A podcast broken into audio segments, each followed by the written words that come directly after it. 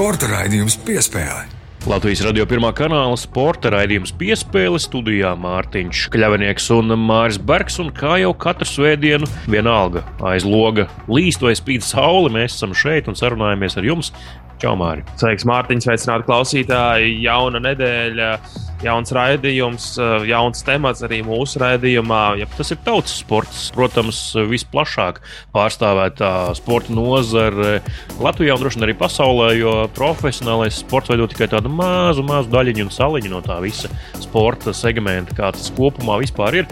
Tautas sports, un tāpēc arī šodien sarunāsimies ar Latvijas Tautas sporta asociācijas ģenerālsekretāri Gaļinu Gorbatenkovu un ne tikai ar viņu. Jā, sarunāsimies arī ar tāku skriešanas pasākumu Stirnu Buks rīkotāju Rimantu Liepeģu. Tas sadaļā, kas lācītam vēderā, un tas, protams, kā jau parasti raidījuma otrajā daļā.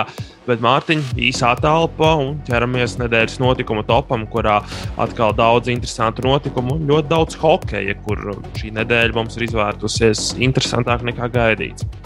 Jā, ieelpojam, un tad jau ķeramies klāt topam, jo ir ko stāstīt pietiekami daudz.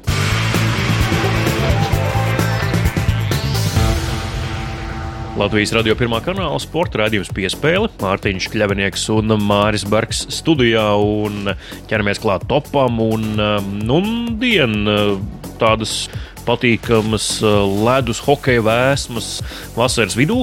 Nu, ne tikai vēsina, bet arī uzkarsa emocijas. Un es droši vien šeit runāju primāri jau par Nacionālās hokeja līgas draftu, kas pavisam nesen notika, par kura pirmkārt mēs arī runājām iepriekšējā raidījumā, bet vēl neizteicāmies par nākamajām, jo tās bija tikai gaidāmas. Tagad arī esam sagaidījuši, ka trīs latvieši ir izvēlēti šogad Nacionālās hokeja līgas draftā, un par tām emocijām nu, noteikti uzkars emocijas gan šo spēlētāju spēlētāju ģimenēm, viņiem pašiem, līdzjutējiem, treneriem, arī komandām, kuras cīnās par labākajiem. Nu, Latvieši gan šogad nebija pirmrindniekos, bet tas, ka draftēti trīs, tas jau arī ir labs sasniegums Latvijas hokejam kopumā. Trīs hokeisti Latvijai NHL draftā nav bijuši, ja nekļūdos, kopš 2015. gada. Tātad labs laiciņš jau ir pagājis. Šie trīs, kas ir šogad draftā izvēlēti, tātad Dans Ločmēls, viņš dosies uz Bostonas Bruins, vai pareizāk sakot, nonāk Bostonas Bruins paspārnē un sistēmā sistēmā, Sandrs Vilmanis, viņš tagad ir Floridas Panthers sistēmā, un visbeidzot Klaus Weinbergs. Viņš ir nonācis Tampa Bay Lightning sistēmā. Jā, un atšķirīgs ir viņu hokeja ceļa pieejas, kā katram attīstīt savu karjeru līdz šim. Ja Dans Ločmēls un Sandrs Vilmanis to dara Zviedrijā, tad Klaus Weinbergs principā no Latvijas čempionāta, jo tāds ir viņa pēdējais pieraksts Zemgala Latvijas lauksaimniecības universitāte, šī gada Latvijas čempioni, jā, draftēts NHL. Klaus Weinbergs, viņš dodas uz universitāti, vismaz tāds ir plāns plāns. Arī Sandis Vilmaris, viņš arī atstās Zviedriju, viņš dosies uz uh, OHL, uz Ontārio hokeja līniju, spēlēs Sārnijas Sting komandā. Kā viņš pats izteicās, tad um, iespēja tur spēlēt, tas nozīmē pārbaudīt spēku Ziemeļamerikas laukumos, mazāki laukumi, lielāka ātrumi, vairāk iespēju gūt vārtus. Beigu beigās tu esi tuvāk savas komandas skautiem, kuri var tevi vērot un kaut ko ieteikt. Dans Ločmelis visticamāk paliks Zviedrijā, viņam ir iespējas uzspēlēt arī Zviedrijas augstākajā līgā pieaugušo komandu ar Lūleo.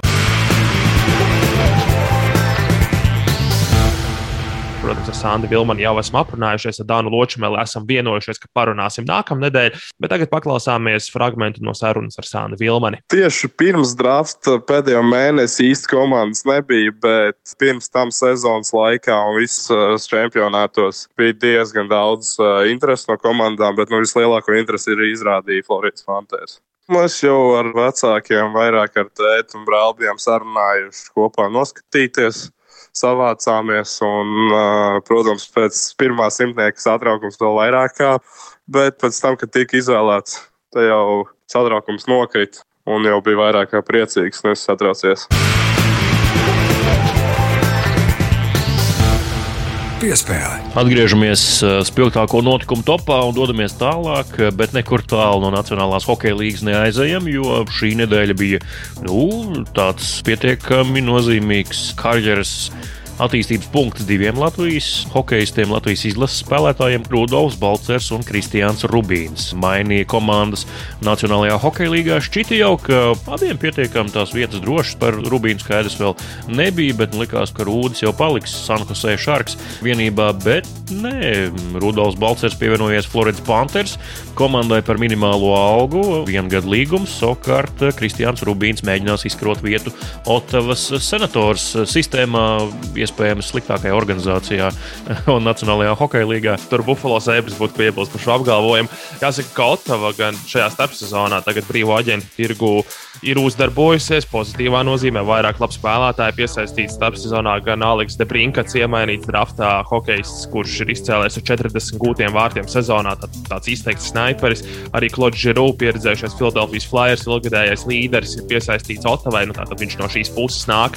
Tāda interesanta tā nedēļa sanāca. Jā, Rudolfs Balcers. Jā, stabila līgums, viss kārtībā, normāls spēles laiks, šarks.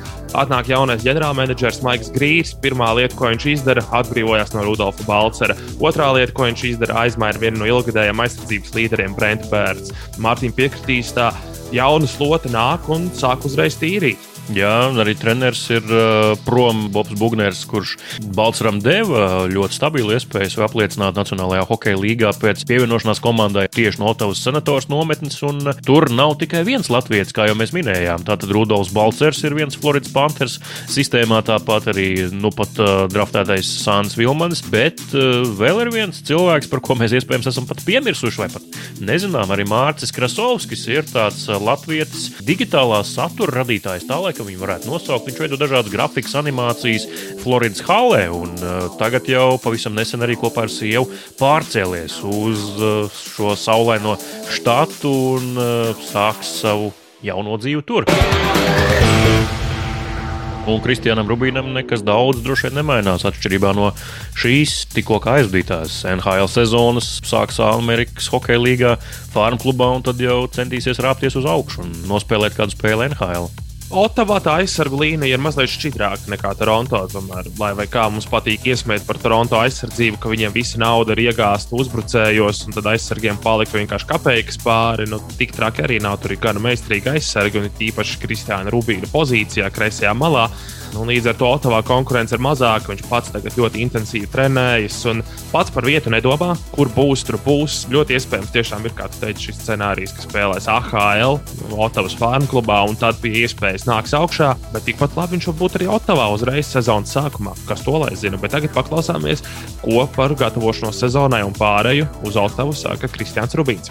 Atvērās tirgus pāris stundas vēl. Man aģents zvanīja, ka ir uh, piedāvājums no Otavas nosacīt, un, uh, teiksim tā, ilgi nedomāju. Manuprāt, pāris 30 sekundes tad arī jau tika izlemts to, ka jā, es gribu šo iespēju izmantot un spēlēt Otavā. Tas tomēr ir uh, laba iespēja gan man, gan arī laba maiņa, tā teikt, tādā ziņā, ka tika pavadījis četrus gadus Toronto, tad, nu, jauns sākums, jauna epizode manā dzīvē. Tālūk, Kristiāns Rubīns, Latvijas hokeja izlases aizsargs. Viņam jauns ceļš jaunā pilsētā. Viņš no Toronto pārceļas uz Ottavu un centīsies izkarot savu vietu senatoru sistēmā. Rudolfs Balčers tātad nākamā sezonā spēlēs Floridas Panthērās. Savukārt pārējie līdz šim uh, stabilie Nacionālās hokeja līnijas spēlētāji no Latvijas savas komandas nav mainījuši. Palikuši turpat, kur bijuši. Gan Elvis Mežģīkins paliek, Kolumbus Blue Jackets, gan arī Zemgus Girgensons. Protams, ka Buffalo Sabres joprojām, lai gan gribētos, ka viņš aizbrauc kaut kur citur un vismaz iekļūst kaut reizi Stanley Kausa izcīņā karjeras laikā laikā.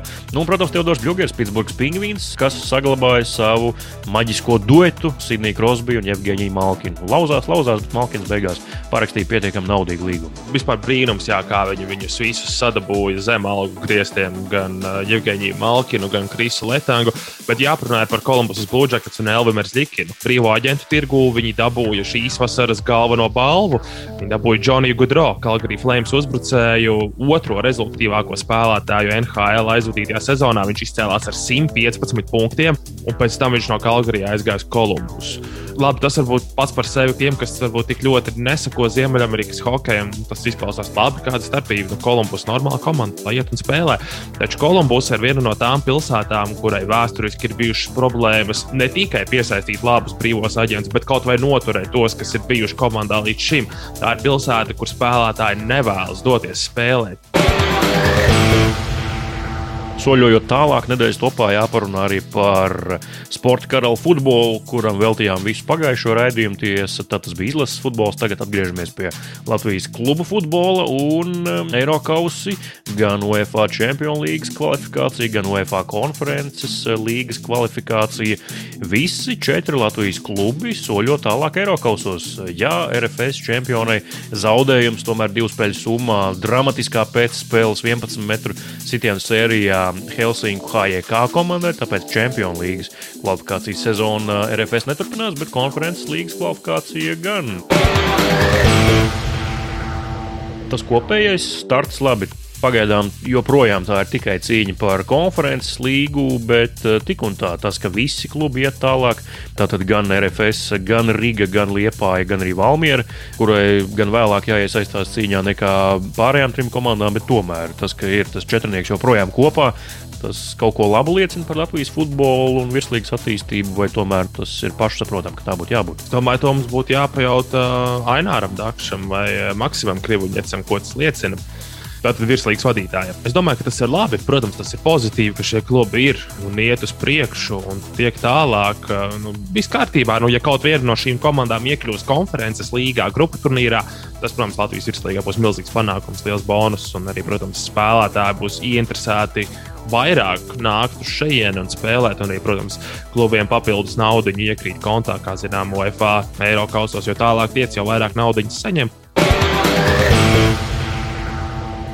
Nedēļas top noslēgums. Nu jau ar tradicionālo rubriku, laikam, nu jau ik nedēļas, trešo nedēļu pēc kārtas, rubrika nedēļas klauns. Un, um, Atkal hokejists Nikolais Jelisejevs. Jā, es izrunāju viņu uzvārdu pareizi. Izrādās, ka tieši tā viņa uzvārds ir rakstīts viņa Latvijas pilsoņu pasē. Nevis Jelisejevs, bet Jelisejevs. Viņš devies uz Leonīdu Tambieva trenēto agresoru valsts klubu Vladivostovas admirāli. Atkal vēl viens spēlētājs, kurš izvēlas braukt uz tālajiem austrumiem. Kas ir tiem Latvijas hokeistiem? Gribas spēlēt Sibīrijā, tālajos austrumos, ar milzīgu laika joslas starpību, ar milzīgu ceļošanu un visu pārējo. Arī pagājušajā nedēļā par Jānu Kalniņu runājot un Habārovsku Samūru. Tā ir viena komanda, kas izceļas ar algu nemaksāšanu, tagad Nikolais Jelisējās aiziet uz otru komandu, kas izceļas ar algu nemaksāšanu uz Vladivostokas admirāli. Tad šī komanda pat tika izslēgta no līgas par to, ka viņi nevar samaksāt algas. Atkal mēs varam uzdot jautājumu, kāpēc? Nesaprotams šis lēmums ir no visiem viedokļiem nesaprotams pat ja tu esi gatavs saskarties ar šo sašutumu un kritikas vilni, kas veļas pāri tavai galvai par spēlēšanu Krievijā un ar vispārējo, kāpēc doties uz komandu, kurai ir apšaubāma reputācija algu maksāšanā? Arī Arthurs Irbe portālam sportcentrs.com intervijā izteicās, ka viens ir tas, ka tev ieraksta līgumā, bet tas ir tikai līgumā. Cik liels iespējas ir reāli saņemt šo naudu, nu, mēs katrs varam spriest paši. Jā. Kā viņi pēc tam veiks konvertāciju, kādā valūtā viņi saņems, kā viņi to valūtu izvadīs no valsts. Tie visi sarežģījumi paliek. Bet, um, nu, runā... ne mums par to domāt, jā, ne jau mums tie rubļi jākonvertē. Bet Ivans Fedotovs, Krievijas Nacionālās izlases pirmais vārdsargs Olimpiskajās spēlēs, tagad ir aizsūtīts uz Mūrmansku dienēt par to, ka viņš gribēja braukt spēlēt uz Filadelfijas Flyers NHL. It kā nav nokārtojis saistības ar dienas. Arī Kirillam Kaprīzovam, Minnesotas Wild zvaigznē, ir problēmas ar varas iestādēm. Džeki, jums nav mācību, ko krievi var izdarīt paši ar saviem spēlētājiem, ar savas izlases spēlētājiem. Kāpēc tur ir jālien iekšā? Ar to arī noslēdz šīs nedēļas spilgtāko notikumu tops. Un uh, tūliņ, tūliņ jau runāsim par tautas sportu. Es zinu, ka jūs jau tvīkstat pie radioaparātiem un gaidāt, kad tad beidzot mēs sāksim runāt. Jo tops bija viss parunā profesionālo sportu, bet nu, tam gan mēs tagad liekam punktu. Un tūliņ jau saruna ar Latvijas Tautas Sporta asociācijas ģenerālsekretāri Gaļinu Gorbatenkovu. Piespēle!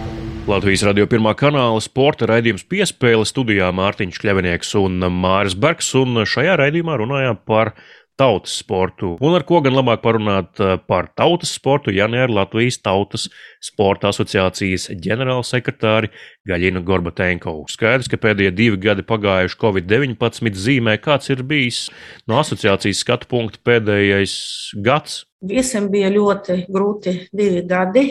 Vienīgais plūs, salīdzinot ar citām Eiropas valstīm un pasaules valstīm, ka mums tomēr pat lockdowna laika bija atļauts cilvēkiem iet ārā, aktivitātes, protams, nu, bija tādas, kādas bija. Un tad mums arī rodas uzreiz ideja, ka varbūt mēs varam palīdzēt cilvēkiem pareizi to visu darīt. Un 29. decembrī mēs organizējam pirmo konferenci fiziskas aktivitātes kā veselības pamats. Protams, ka pēc jaunā gada atkal turpinājās tas lockdown. Mēs mārta mēnesi organizējam turpinājumu. Mūsu sasniegta auditorija bija 40 tūkstoši. Ir pasākumi, kur krītas dalībnieku skaits, ir pasākumi, kur pat varbūt palielinājās dalībnieku skaits. Jā, viena lieta, ko mēs gribējām jautāt šīs sarunas laikā, ir, kā mēs varam definēt, kas ir tautas sports, kas slēpjas zem šiem diviem vārdiem - tautas sports, kas ir apakšā zem tā un ko tas apzīmē un aptver. Mums ir sporta likums un mums ir sporta politikas pamatnostādnes. Ja mēs runājam par tautas sportu, tad tas ir fiziskas aktivitātes un sacensības bez vecuma ierobežojuma ar mērķi nostiprināt un uzlabot veselību sekmēt fizisku un garīgu attīstību, aktīvu brīvā laika pavadīšanu un sociālo saskarsmi, uzlabojot dzīves līmeni un dzīves kvalitāti. Tad uh, pievērsīsimies droši vien Latvijas Tautas Sporta asociācijai. Varbūt pavisam īsi mājaslapā tas, protams, ir pieejams, bet varbūt tā koncentrēti gaļina varat arī pateikt, kas ir organizācijas tie galvenie mērķi un uzdevumi definētie. Galvenie mums mērķi ir patiešām izglītot mūsu iedzīvotājus par fizisku aktivitāšu nozīmē. Veselība, dzīve, kā jau teicu, darba spējas. Tas ir galvenais. Cita lietiņa, kā ar kādiem līdzekļiem to var darīt, organizējot regulāras nodarbības. Ok, organizēt pasākumus, ilgus gadus organizējam ģimeņu sporta festivālus, kur mēs gribējam, ka mēs ļoti bieži arī dzirdam, kā profesionāli sportisti, ka tomēr tas nāk no ģimenes, ka vecāki paši kādreiz sportoja, un tad arī viņi pēc savus bērnus uz treniņiem Un tad pakāpeniski veidojas tas sportiskais azarts, un tad trenitība, un tad augsta sporta sasniegumi. Bērnu dārzu dalībniekiem mēģinam pat arī iedot kaut kādu, nu, nezinu, magnetiņu, kaut kādu kartiņu, lai viņam paliek par piemiņu, ka, ah, nu, re, kur es piedalījos, mums bija tas pasākums, un tad te bērni gaida un jautā audzinātājiem, kad mums būs nākošais šis pasākums? Jo tur jau nav tikai fiziskas aktivitātes, bet tur arī ir par pareizu uzturu. Un, piemēram, patīkami, ka atbalsta vecāki, ka vecāki, piemēram, nes no mājām sūlas, piežamas mašīnītes un, un dārziņus un augļus, un tad viņi kopā ar audzinātājiem arī taisa sūliņas un vēl kaut ko, ka tas jau tā ir izglītošana, ka jābūt aktīviem, jā, gatavojoties šai sarunai, mēs ar Mārtiņu ielūkojāmies asociācijas biedru sarakstā. Viens no jautājumiem, kas mums radās, ir, kāpēc divi lieli uzņēmumi, divas Latvijas lielas akciju sabiedrības, proti, Rīgas siltums un Grindeks, ir norādīti kā asociācijas biedri. Ja tie būtu kā atbalstītāji, viss ir ļoti labi saprotams un skaidrs, bet kāpēc šīs divas organizācijas, šie divi lielie uzņēmumi ir norādīti kā tautas sporta asociācijas biedri?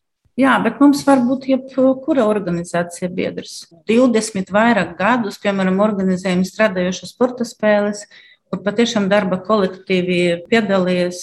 Mēs esam sešu starptautisku organizāciju biedri. Mums ir Eiropas, piemēram, kompāniju, jeb strādājošo sporta federācija, un pasaules kompāniju sporta federācija. Mums ir starptautiska strādājošo un amatieru sporta konfederācija. 2001. gada mēs organizējam Eiropas kompāniju sporta spēles Latvijā. 2017. gada mēs organizējam tas CCIT starptautiskas strādājošo un amatieru sporta konfederācijas pasākumu kur mums atbrauca no 37 valstīm, pasaules valstīm ļoti interesantas komandas no Meksikas, no Irānas, no Irākas, no Afganistānas, no Brazīlijas. Protams, ka pasākumus ir tik daudz, ne tikai Latvija, bet visa Eiropa un visa pasaule ir izvēle, kur var braukt, kur var piedalīties, kur, diemžēl, pašiem cilvēkiem jāapmaksā, jānot ir uzņēmumi, kas palīdz apmaksāt tas braucienus, bet ir arī daļi komandas, kas piedalās tajos starptautiskajos pasākumos, kad pašiem jāsec visus izdevumus. Šis jautājums par biedriem, kāpēc arī Mārcis to uzdeva, nu, jo mēs tur ielūkojāmies un cerējām tur ieraudzīt, piemēram, šķietami, ka Latvijas Tautas Sporta asociācijai būtu jāapvieno zem savu jumta, piemēram, lielākie Latvijas Tautas Sporta pasākumu rīkotāji, bet, cik es saprotu, tā tomēr nav, un arī, cik mēs ar viņiem pašiem parunājām, tad viņi paši šobrīd mēģina kaut kādu savu organizāciju vai asociāciju veidot vai eh, tas ir nepietiekams dialogs, kāpēc varbūt viņi nav, varbūt apvienot zem jūsu jumta šobrīd. Mēs esam atklāti, protams, jā, mēs varam runāt, mēs varam veidot. Es domāju, ka te druscitiņi ir mūsu mentalitāte, ka katrs grib varbūt parādīt savas spējas, varbūt tā mēs varam pateikt. Jā. Mēs mēģinām nejaukties un, un netraucēt strādāt, un organizēt un vadīt savas jomas, kaut kādas aktivitātes, sacensības. Bet, es, Bet to jau viņi var darīt arī esot asociācijā. Vienkārši protams, būtu protams, kāda organizācija, kur viņi kopā varētu satikties un parunāt. Jā, jo mēs arī principā esam tādas pārdomas, ka nu, noteikti kaut ko vajadzētu pamainīt mūsu tieši organizācijā. Jo nu, tomēr 30 gadi Un mums arī vajag jau jaunus cilvēkus, un mēs arī, piemēram, ar to pašu gietu sportu ļoti labi draudzējamies, sadarbojamies un arī runājam, ka mums varētu būt zem mums kaut kāda jauniešu arī tāda kā sadaliņa. Ja? Ļoti interesants vispār jautājums jūs tagad pacēlat. Jā, mēs varam, principā, es domāju, ka organizēt tikšanas, mēs varam izrunāt Tas ir ļoti labs priekšlikums. Tas pats Tirnubuks, viņš sadarbojas ar Vieglatlētikas federāciju. Cik es sapratu, mēs jau, protams, sekojam tam visam, bet, ja lūdza palīdzību no mums, un mēs varam sniegt, mēs labprātīgi to darām. Tā paša jūs neuzrunājat, viņus nāciet pie mums. Nu, pagaidām, nē. Bet tu vai to varētu darīt uh, nākotnē, uzrunāt, apvienot, Protams. nāciet, strādājam un darbojamies. Varbūt kādas komisijas veidojam pa skrējējiem un kaut kas savs. Jā, apakša grupiņas, tā kā mums arī statutus, tas viss ir atļauts, to visu mēs varam veidot, visādus mācību centrus, piemēram, un tāpat Mums delegētas tiesības eh, vadīt un koordinēt nojošanu Latvijai. Tad mēs arī gatavojam attiecīgi trenerus, mēs izsniedzam atzinumus. Kur jūs redzat, kādi ir tie nākotnes attīstības virzieni, kur Latvijas Tautas Sporta asociācija varētu doties, kā varētu organizācija pati mainīties, kļūt eh, mūsdienīgāka un ko varētu darīt turpmāko kaut kādu gadu griezumā? Mums jau plānots arī nākamajā nedēļa valdes sēde, un, un, protams, mēs arī tieši izrunāsim šitus jautājumus. Jo nu, es esmu viena šobrīd te persona, ja, bet mums tomēr ir valde, mums ir valdes priekšsēdētājs, valdes priekšsēdētāja vietnieks, un to mums vajag kopīgi izrunāt. Bet šis patiešām virziens mums ir plāna par tālāku attīstību, varbūt teiksim tā. Jā, varbūt sarunas noslēgumā, vai ir jums arī kādi dati par Latvijas iedzīvotāju aktivitāti? Es zinu, ka agrāk Eiropas Savienības rekomendācijas bija, ka katram Eiropas Savienības iedzīvotājam ar fiziskām aktivitātēm nedēļā būtu jānodarbojas 150 minūtes. Tagad tas līmenis esot pacelts līdz 300 minūtēm, kas Jā. Latvijas iedzīvotāju gadījumā nu, varbūt 10% no iedzīvotājiem vai pat mazāk to izpildu. Tādus datus es nu, redzēju. Nē, nē, nē, es domāju, ka mums daudz, daudz vairāk to izpild pateicoties finansējumam no Eiropas Savienības sociālā fonda, kas iet caur veselības ministriju un kas ir piešķirts veselīga pašvaldība. Tur ir nu, tik daudz dažādas iespējas iedzīvotājiem nodarboties. Ir ļoti daudz piedāvājumu, skriešana, nojošana, joga, fitnesa nodarbības, telpas, ārpus telpas kad nāk līdz finansējums 80% no Eiropas Savienības un 20% mūsu valdības naudas. Ja? Tad tas deva ļoti, ļoti lielu iespēju cilvēkiem apmeklēt bezmaksas nodarbības. Un tie ir viens noteikums, un diezgan tāds strikts, ka nodarbības var vadīt tikai certificēti treneri. Tāpēc es domāju, ka mēs nevaram teikt, ka mums tagad samazinās cilvēku, kas nodarbojas ar fiziskām aktivitātēm, vismaz es teikšu, ar fiziskām aktivitātēm, nekādā gadījumā. Jo ir ļoti plašas iespējas. Vismaz šis projekts vēl turpināsies līdz nākamā gada, man liekas, aprīļa mēnesim. Un patiešām, ejot mājaslapā, mēs varam redzēt, ka jūrmāla notiek ļoti daudz. Nu, nu, katra pašvaldība tas ir, protams, uz pašvaldības uzskatu, kādam aktivitātam ir priekšrocība un uh, kādus pasākumus viņi rīko, bet nu, ļoti, ļoti daudz. Nu, vispār arī Erasmus projekti, nu, piemēram, nākamās brīvdienas, 23. un 24. jūlijas. Es gribu visus, visus pēc iespējas vairāk iedzīvotājus aicināt uz Ventspili. Jūs jau laikam arī zinat, ka tur notiks pludmales, bija aktīvs pludmales spēles. Tāds aktīvs Latvijas iedzīvotājs, kurš grib nodarboties ar tautas sporta aktivitātēm, kur viņam visvērtāk meklēt informāciju par sev tuvāko un varbūt piemērotāko. Pašvaldība, kur cilvēks dzīvo. Tāpēc, ka mums arī, protams, ir katra pašvaldība sporta dzīves vadītājs, tad cilvēks saņems pilnu informāciju, un tad viņš arī zinās, kur viņš var piedalīties, kādas aktivitātes. Tāda lūk saruna ar Latvijas Tautas Sporta asociācijas ģenerālsekretāri Gaļinu Gorbatenko. Paldies, Gaļina, ka pievienojāties šodien Latvijas radio sarunai par tautas sportu un lai tautas sporta kuplums aug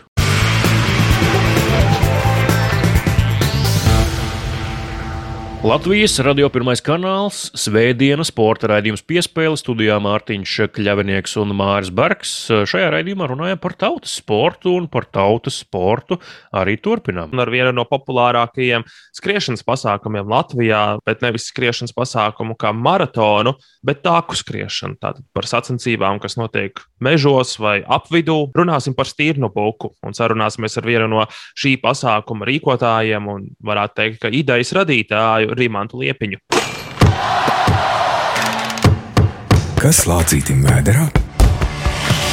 Šoreiz rubrikā, kas lācītim vēdā, parunāsim par, es domāju, vienu no populārākajiem tautas sporta pasākumiem Latvijā, kas pulcē nu, ļoti, ļoti iespaidīgu dalībnieku skaitu. Katrā no posmiem tas ir taku skriešanas seriāls Stirnu Buks, un tā radītājs Rimants Liepiņš arī ir pievienojies šai sarunai. Sveiki, Rimanti! Sveiki, sveiki, labdien! Nu, es teikšu, atklāti, man joprojām eh, Rīmāna Liepiņa vārds saistās ar pusauģu gadiem, kad es gāju platformā rekords mājaslapā un, eh, un meklēju, kur tad var lejupielādēt kādas latviešu jaunākās dziesmas par brīvu. Tur bija iespēja kaut kādu gabaliņu, pusdziesmu lejupielādēt toreiz tajos tālajos laikos, 2000. gadu sākumā. Bet kā no mūzikas biznesa nonākt eh, taku skriešanas seriāla rīkošanas lauciņā? Laiks, kad uh, mūzikas ierakstu pārvērtās no teiksim, taustāmā formāta, no audio kasetes, no uh, kompakta diska uz kaut ko daudz netveramāku, MP3 vai šobrīd pat vispār vairs tam formātam nav nozīme, jo mēs mūziku droši vien patērējam lielākoties Spotify. Jā, jā nu tas laiks bija, tā, kad es likās, ka jā, ar, ar mūzikas ierakstiem pietiek. Tā kā skriešana no mūzikas ierakstu pēc savas būtības tas jau tāds nu, izklaides industrijas, cita šķautne, cita sastāvdaļa, gan sports, gan mūzika. Jau. Tā, kas atnāca pavisam nejauši, ja godīgi, jo sākumā tas bija kā desmit gadu atpakaļ. Viņš vēl vairāk, varbūt, es sapratu, ka pārcēlos no centra dzīvokļa uz dzīvi laukos ārpus Rīgas, Pēngūras tūmā, un nu, sapratu, ka kaut kas ir jādara, jo basīt vairs uz jugulu neizbraukās spēlēt. Es saprotu, ka jāsāk skriet. Nu, skaidrs, ka pirmais mērķis bija Ņujorkas maratons.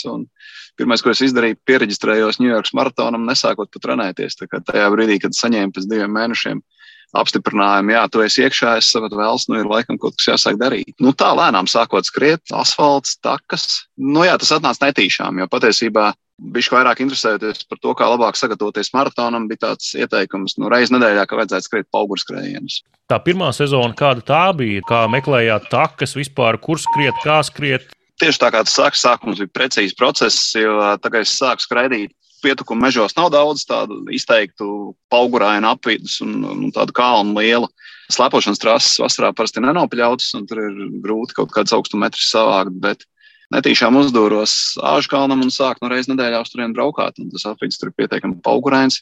Un tad toreiz bija tāda komūna Endamondo vietnē. Šī brīža Rīga Valmiera organizētājs tāds pļāpīgs. Eh, jūs kolēģis, starp citu, man liekas, savā laikā Latvijas rādio ārštat eh, žurnālists Matīs Vecvagārs. Zinām, Matīs, kurš, jā, jā. Jā, jā, jā. Un tad viņš vienkārši man sāk ķircināt. Viņš saka, jo, Haidī, vecīt, visādos kalnos es esmu skrējis, āžu kalnās nekad neesmu bijis, kad uztaisīsi tā kā ekskursiju. Un, nu, mēs uztaisījām tādu ekskursiju draugiem, jā, un izsludinājām Endamondo un noskrienu komunā, kas ir tāds virtuālais skrēja klubs. Man atbrauca 600 draugi pirmajā gadā, un likās, wow, tur kaut kas ir. Jā. Jā, uzrīkot šo pasākumu, pirmo, ok, atbrauc arī pietiekami liels cilvēku skaits, bet tajā brīdī, kad tas viss kļūst nopietnāk, lielāk, kā tas viss notika, šī saskaņošana ar pašvaldībām, ka jūs tur skraidat pa tiem mežiem? Uzzināt to var tikai darot, un skaidrs, ka uh, mēs esam iebrazušies neskaitāms reizes, un, teiksim, tas nākamais gads jau bija klasisks piemērs. Mēs gaidījām tos savus 600 draugus, rīkojot maču Garkalnas bļodā atbrauc tūkstots skrējēji. Un skaidrs, ka tā vieta nespēja uzņemt tūkstotus cilvēkus. Un skaidrs, ka tika atcelti starti, tas viss notiek pēdējā brīdī, un aplam nepareizi, bet tikai caur darīšanu. Tad to saprašanu rodi, un kaut kāds lielāks vai mazāks ķibelis jau dabā diezgan bieži rodās, bet eh, nu, jau tā procedūra ir pietiekami labi zināma. Šogad, starp citu, bija ļoti jauna, liela pieredze, ko mēs arī nebijām, teiksim, savā pietiekami ilgajā sacensību organizēšanas organizētāju karjerā saskārušies.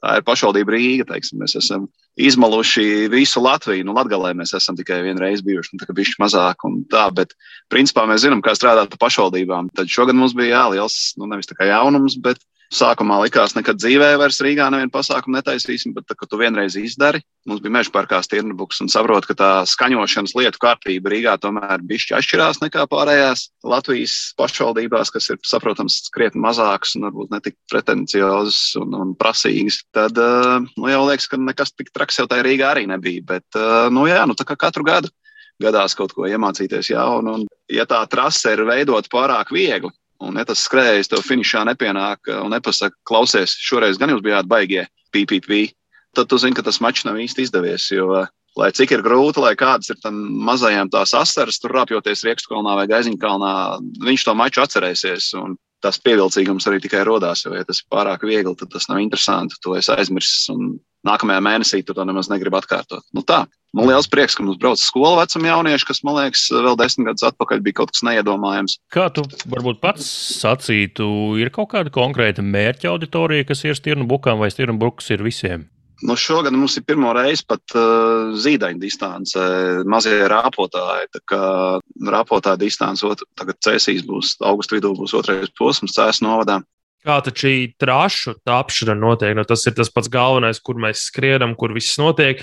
Mainot lēņķus, mainot to skatu punktu, bet cik daudz darba, cik daudz laika tiek ieguldīts un kā šis process vispār top. Tur staigājot pa mežu, paši skriena cauri un, un skatāties, vai, vai kā tas izskatās dabā pirmsākumos tieši tā arī bija, kad nu, tu jau apmēram zini no vietas, pa Latvijas ceļojis, nu, apmēram zini, ka, hei, pokaļu mežs varētu būt interesants, vai teiksmainais zebrus ezers. Kaut kāds leģendas tu esi dzirdējis, nu, brauc skaties.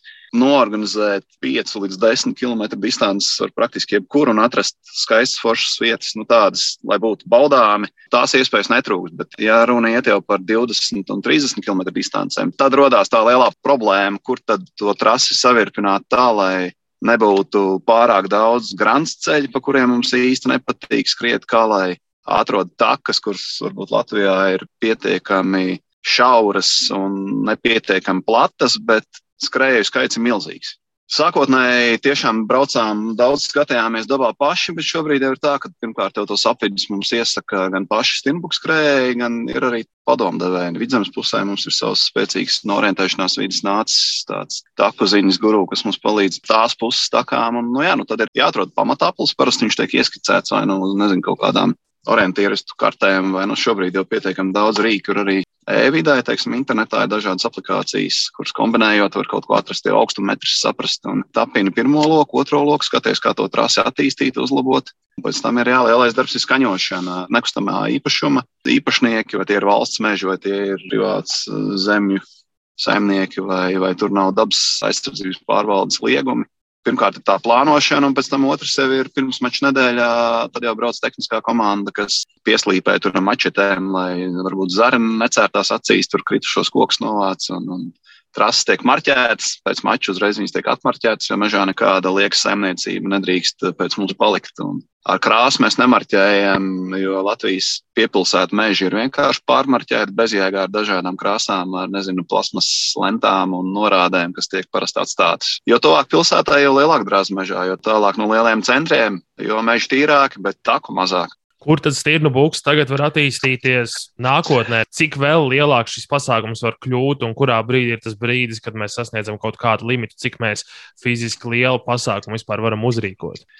Nu, es gribētu teikt, ja mums nav tādas perfektas taku bāžu tīkls, kāds ir piemēram Igaunijā, kur valsts atbalsta programma attīstīja distanču slēpošanas parkus pie katra. Tik pa 30 km ir jābūt katram igaunim. Tur 15 minūšu laikā ir jāspēj nonākt kaut kādā ievērības cienīgā taku tīklā. Tad to savu kapacitāti, es domāju, tādu, kā mums bija 19. gadā, praktiski mēs bijām sasnieguši vairāk cilvēkus mežā ielaist nevarēja. Tie bija kaut kādi 4000 dalībnieki mums tajā laika brīdī vidēji mačos. Tojoties sarunas noslēgumam, Rimant, kā tu sacītu, kā ir ar vispār ar tautas sporta pasākumu daudzveidību, pieejamību, piedāvājumu šobrīd Latvijā. Nu, ja ir cilvēks, kurš grib sportot savā brīvajā laikā, viņam ir no kā izvēlēties, vai ir tikai noskrien posms, tirnu buks un varbūt vēl kaut kas nedaudz. Es domāju, ka tas piedāvājums nav slikts. Īstenībā tas, kas varbūt pietrūkst, varbūt tas tautas sports Latvijā šobrīd nav, viņš nav īsti nekur. Nav mums īsti savs tautas sporta asociācija, kas būtu tāda nu, pilnvērtīga, kur būtu visi šie seriāli vai pasākumu organizatori apvienojušies. Līdz ar to īsti tev pat nav. Nu, mēs teorētiski esam zem Latvijas eh, Sporta Federācijas padomas, bet Sporta Federācija padomē rūp. Un mēs esam zem Vieglietīgas Savienības. Nu, kāda Vieglietīgas Savienībai viņam uz stadionu iet grūti, kāda viņam intereses. Nu, tā. Mēs visi esam draugi un tur viss ir kārtībā, bet ir teorētiski nu, viņiem takas ir laikam pēdējais, par ko viņi varētu satraukties.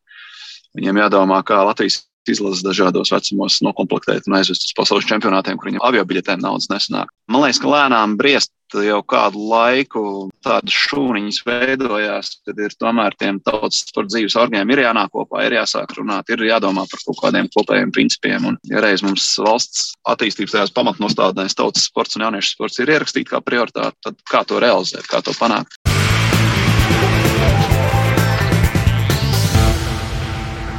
Latvijas radio pirmā kanāla sporta raidījums piespēle līdz ar to šonadēļ izskan. Studijā kā alaž bija Mārtiņš Kļavnieks un Māris Bergs. Paldies, ka klausījāties, bet Māri, es zinu, ka tu labprāt uh, iemestu tādu mazu, mazu āķīti arī mūsu klausītāju lūpās par to, ko mēs varam sagaidīt no raidījuma nākamnedēļ. Nākamās nedēļas raidījumā atkal motori rūks. Pievērsīsimies kādai no motorsporta disciplīnām, kas Latvijā pirms gadiem 20 bija ļoti populāra, pulcēja tūkstošiem cilvēku.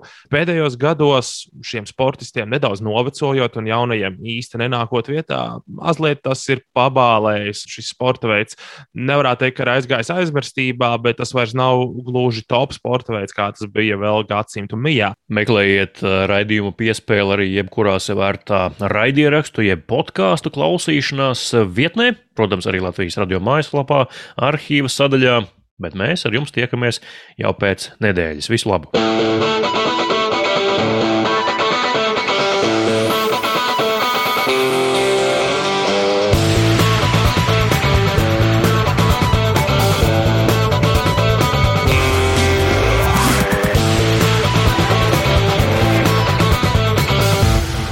Sporta raidījums piespēlē.